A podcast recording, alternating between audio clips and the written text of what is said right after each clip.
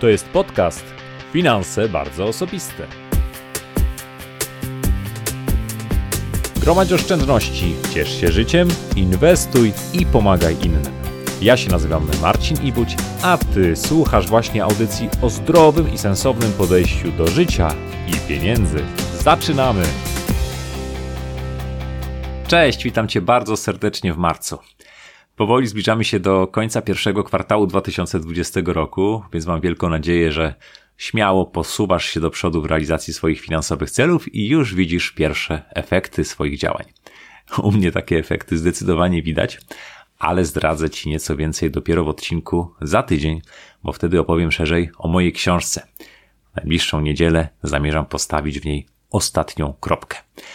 A w tym odcinku wrócimy na chwilę do finansowych podstaw. Pokażę Ci w bardzo konkretny sposób, jak możesz zapanować nad wydatkami nieregularnymi. Zanim jednak przejdziemy do odcinka, bardzo dziękuję. Wielkie dzięki dla wszystkich osób, które w lutym wystawiły recenzję podcastu na iTunes, Stitcher i we wszystkich innych aplikacjach, na których dostępny jest podcast. Kochani, bardzo Wam dziękuję i i, i serdecznie zachęcam do zostawiania kolejnych, bo dzięki Wam, dzięki tym recenzjom, dzięki tym ocenom podcast rośnie w siłę i dociera do coraz szerszego grona odbiorców. Jesteście wielcy. Jak zwykle wybrałem jedną z takich opinii, żeby osobiście podziękować autorowi.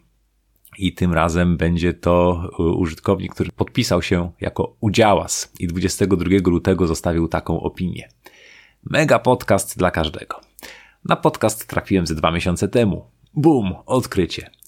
I nie dlatego, że jest tu jakaś wiedza magiczna, ale dlatego, że jest mega uporządkowana i profesjonalnie przekazana.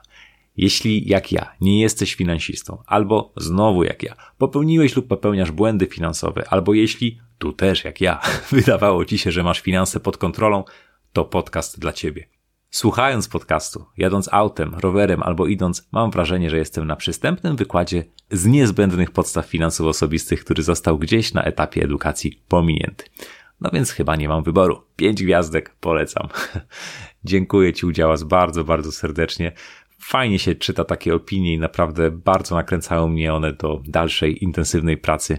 Także serduch rośnie i chce się naprawdę robić jeszcze więcej. No dobra, życzę Wam powodzenia, samych świetnych finansowych decyzji, a teraz już zapraszam na, uwaga, już 107 odcinek podcastu Finanse Bardzo Osobiste.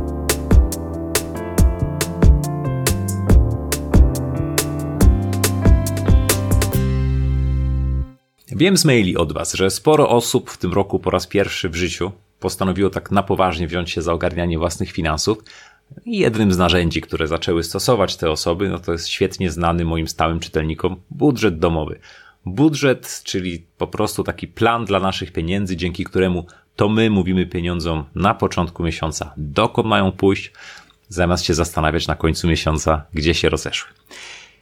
I po pierwszym takim efekcie wow, który powstaje, gdy zaplanujemy nasze finanse po raz pierwszy w sposób taki w pełni świadomy, no, wkrótce pojawia się pierwsza poważna przeszkoda i to są często właśnie te wydatki nieregularne.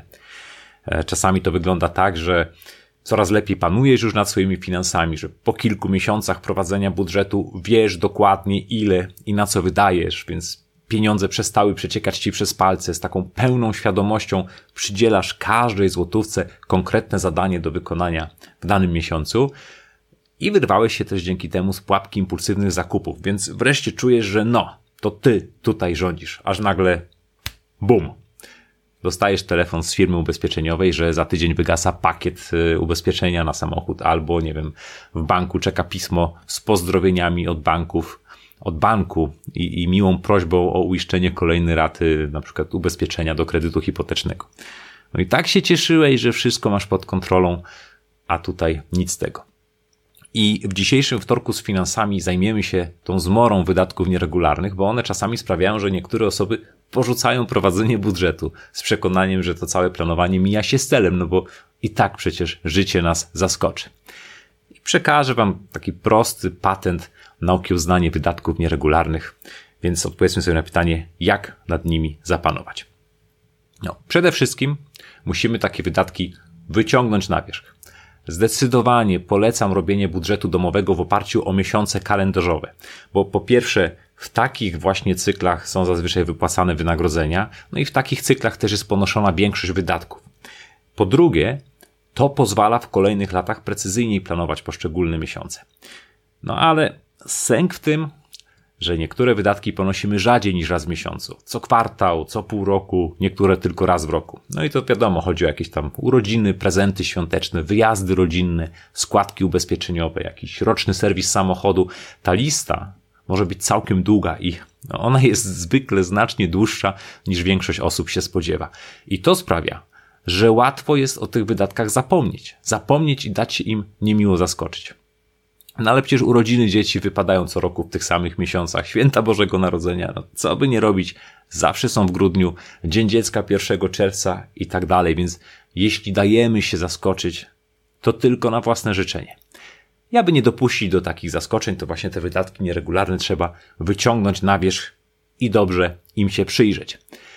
I jeżeli robisz to po raz pierwszy, to przyda się takie gruntowne przejrzenie historii rachunku bankowego za ostatnich 12 miesięcy i jeszcze przyda się taka tabelka w Excelu, która wygląda tak. To, co w tej chwili widzicie, to jest ekran z pliku Excel, który będziecie mogli sobie pobrać na moim blogu.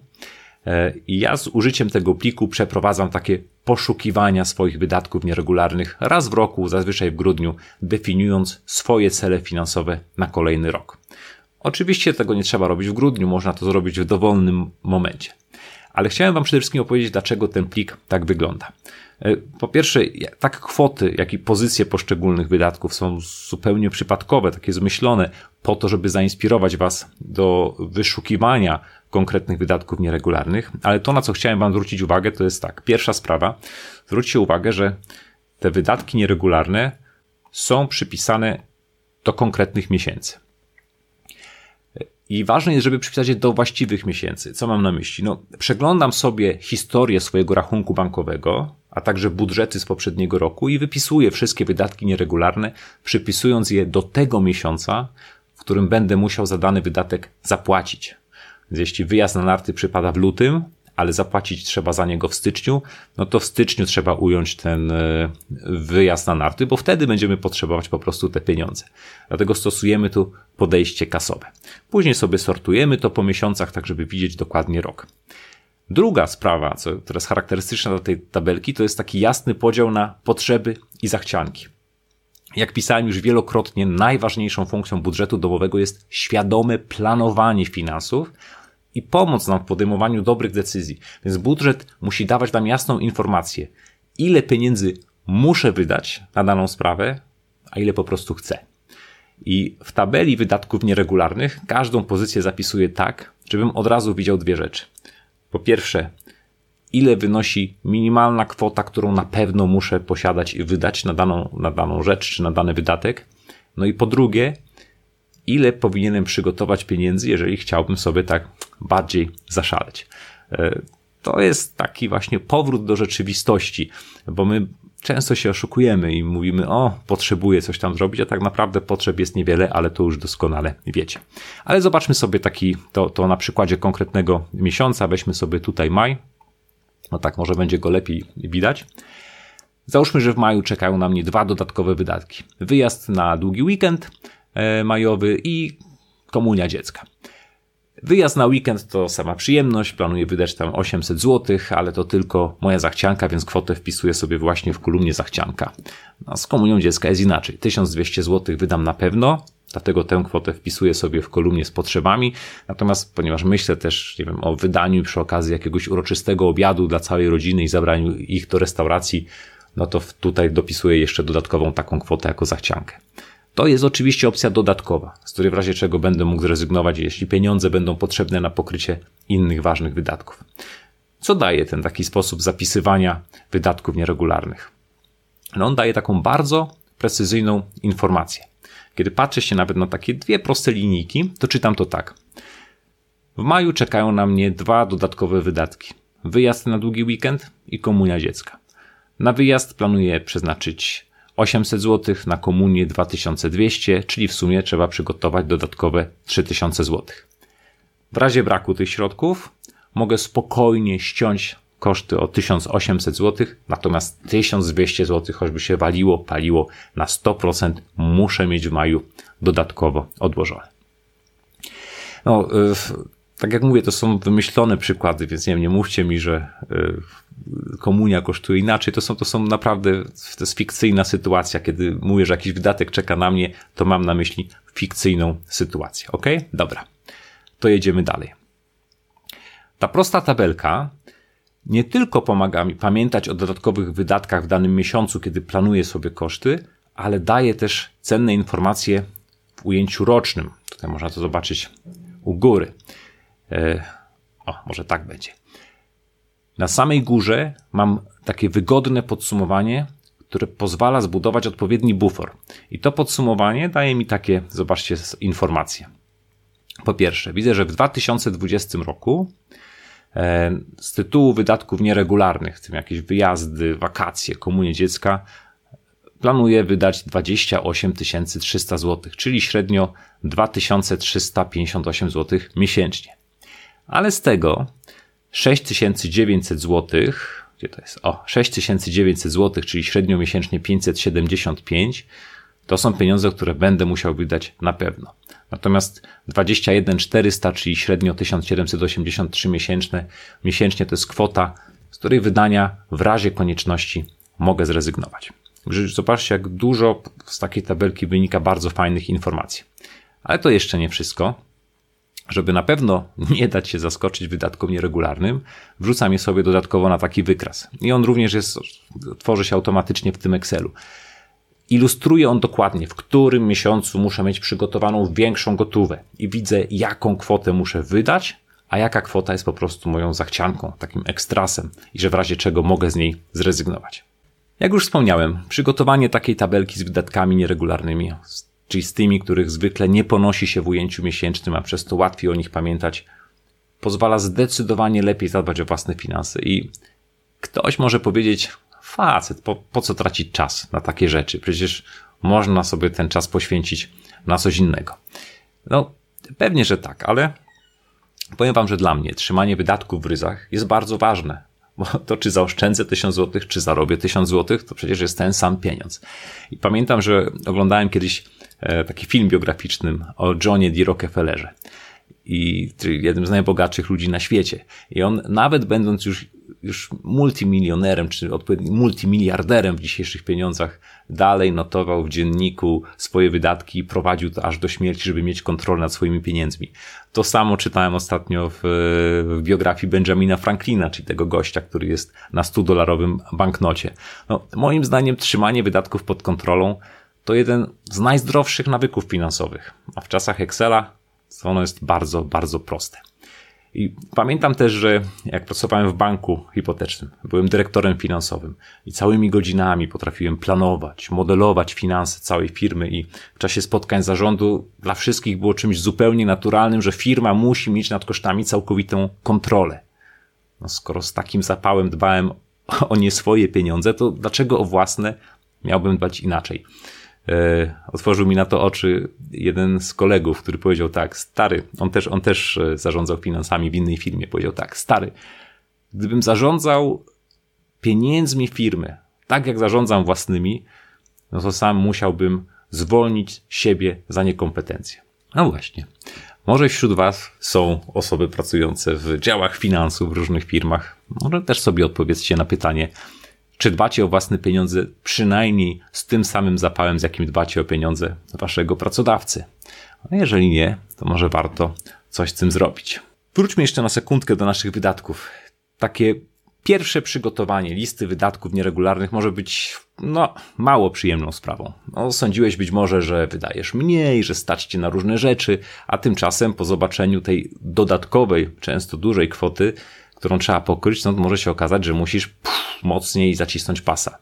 I to jest taka chwila prawdy. Chwila prawdy, która pokazuje, ile faktycznie potrzebujemy pieniędzy na utrzymanie naszego obecnego stylu życia. I jeśli widok takich kwot odbiera ci ochotę do planowania albo chcesz wszystko rzucić w kąt, no to powiem krótko. No nie obrażaj się na rzeczywistość. No fakty nie przestaną istnieć tylko dlatego, że e, nie będziesz na nie zwracać uwagi, że będziesz je ignorować.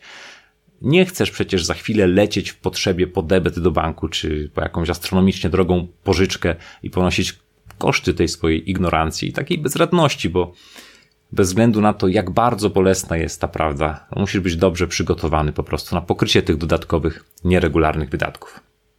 A jak je pokrywać?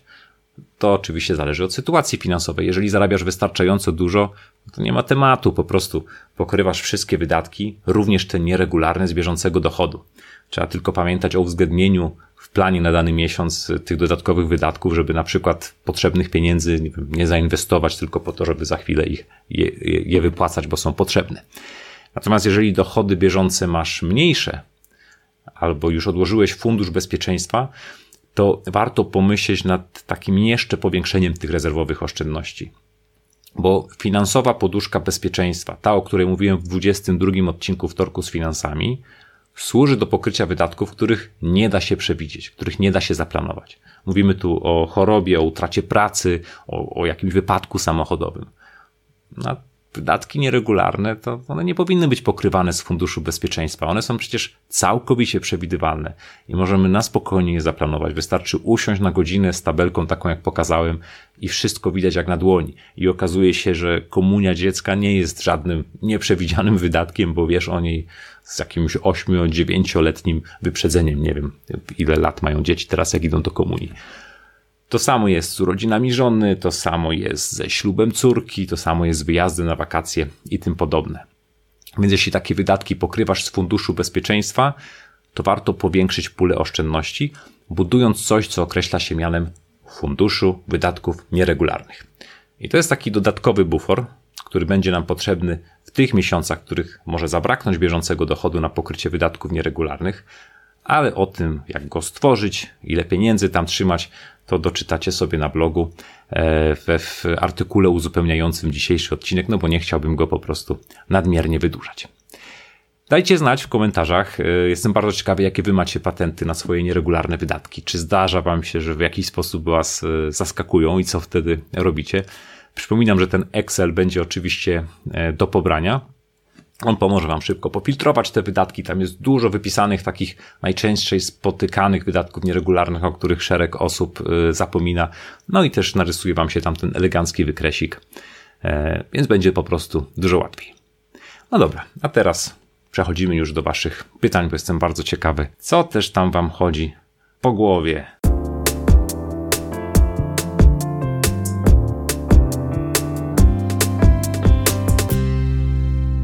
Michał, Michał pyta tak. Marcin, poradź jeszcze, co w sytuacji, gdy budżet jest rozplanowany, realizacja w trakcie, a tu nagle wpada nam mandat za przekroczenie prędkości. Jak podejść do takiego niespodziewanego wydatku?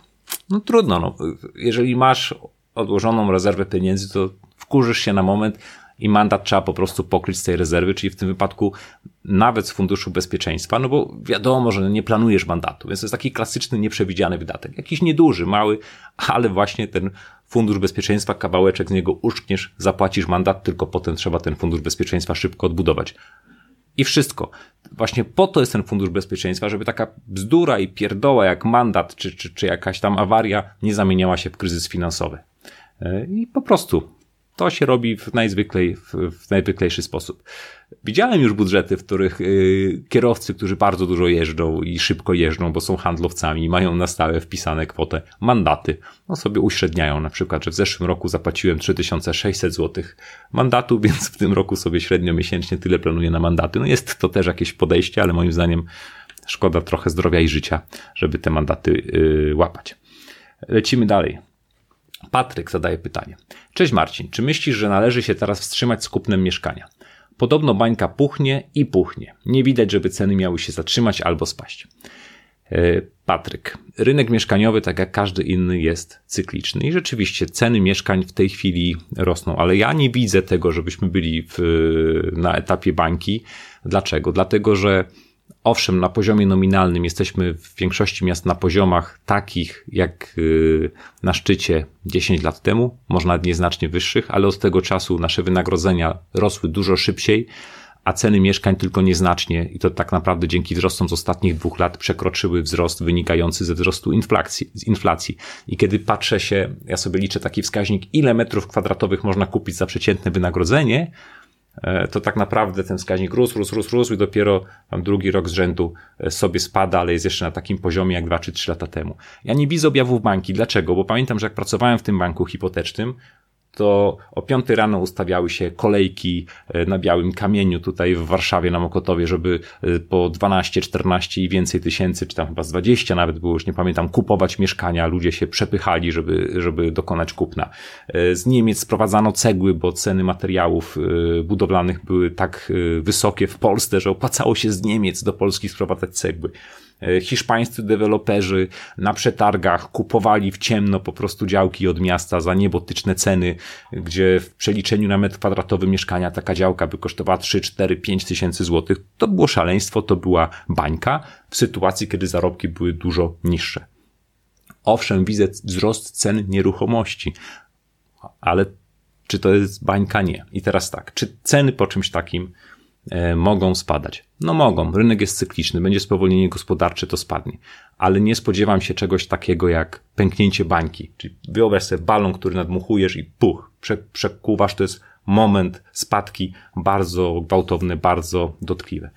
Więc kiedy podchodzę do kupowania mieszkania inwestycyjnie, to podchodzę bardzo selektywnie i bardzo mało widzę teraz takich okazji, żeby coś kupić ale kiedy kupowałbym mieszkanie na własne potrzeby i miał wybrane w wymarzonej lokalizacji mieszkanie i chciał tam zamieszkać i myślałbym o nim w perspektywie lat 10, 15, 20, to ja bym się nie wstrzymywał, bo te osoby, które się wstrzymują, czekają na kryzys, na pęknięcie bańki, na niskie ceny, nie biorą też pod uwagę tego, że w takich sytuacjach bardzo trudno jest o kredyt hipoteczny. Banki nie chcą wtedy finansować nieruchomości, podnoszą mocno marże, więc jeżeli mówisz o mieszkaniu na własne potrzeby, to bardziej bym się kierował tym, co dzieje się w Twoim życiu, a nie spekulacjami na temat tego, czy jest bańka na rynku nieruchomości, czy nie. Tak ja do tego podchodzę. O, deszczyk pada. Nie wiem, czy słyszycie teraz, jak pięknie puka tutaj w moje szyby.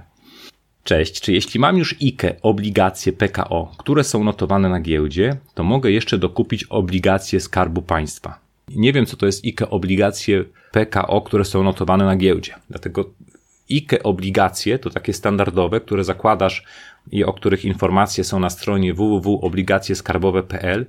To nie są obligacje notowane na rynku. To są detaliczne obligacje Skarbu Państwa, do których tam cały czas są dopisywane odsetki. One nie są notowane na żadnym rynku.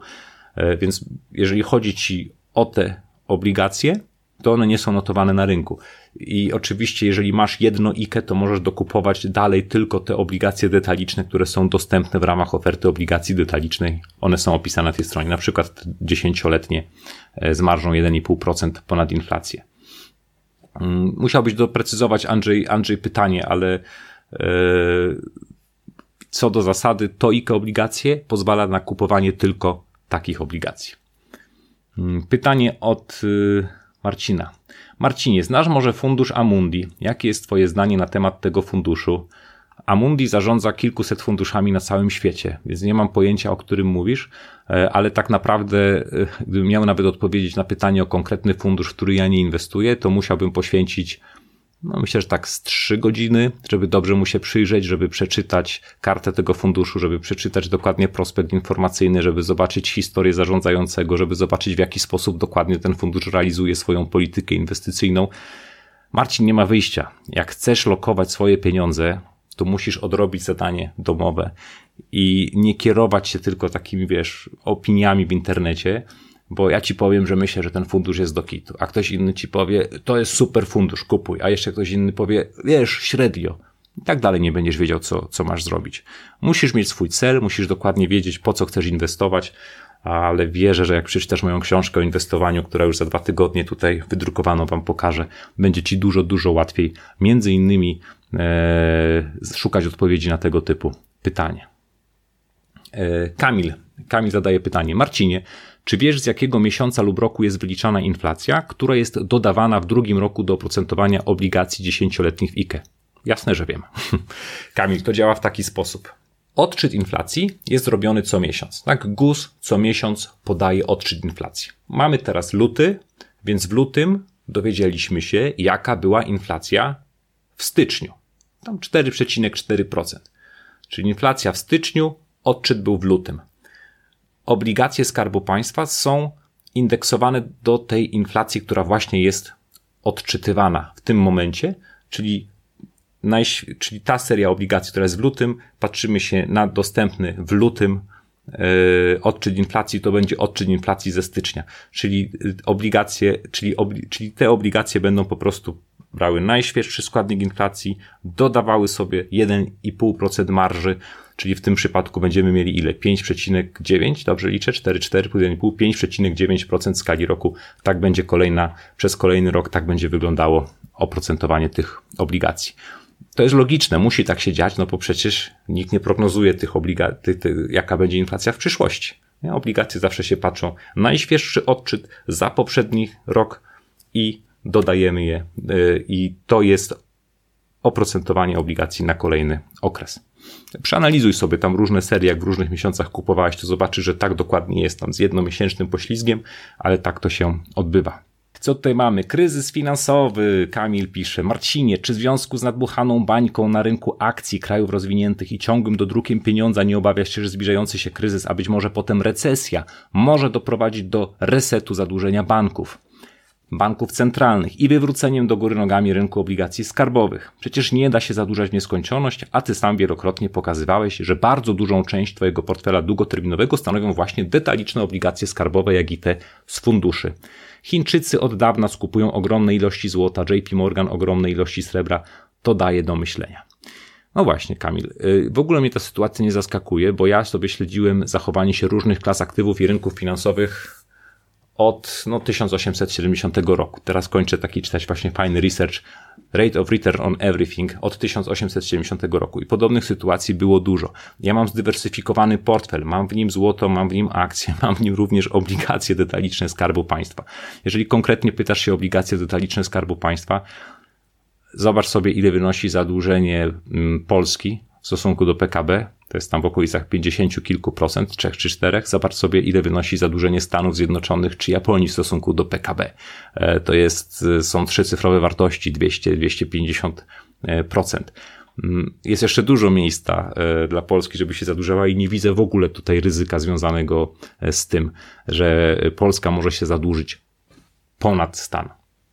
Więc klucz, i to też będzie wszystko, będzie jasno widoczne w książce, że w momencie, kiedy masz dobrze zbudowany portfel z różnych klas aktywów, to ten portfel będzie się dobrze zachował bez względu na to, czy jest kryzys, czy nie. I moja reakcja na to, co się dzieje, jak widzę teraz spadki na giełdach z powodu koronawirusa, jest taka. Jest mi strasznie przykro, że jest koronawirus. Bardzo mi jest przykro z tego powodu, ale jak widzę przeceny na giełdach, to mówię, o, fajnie, będzie można kupować tańsze akcje.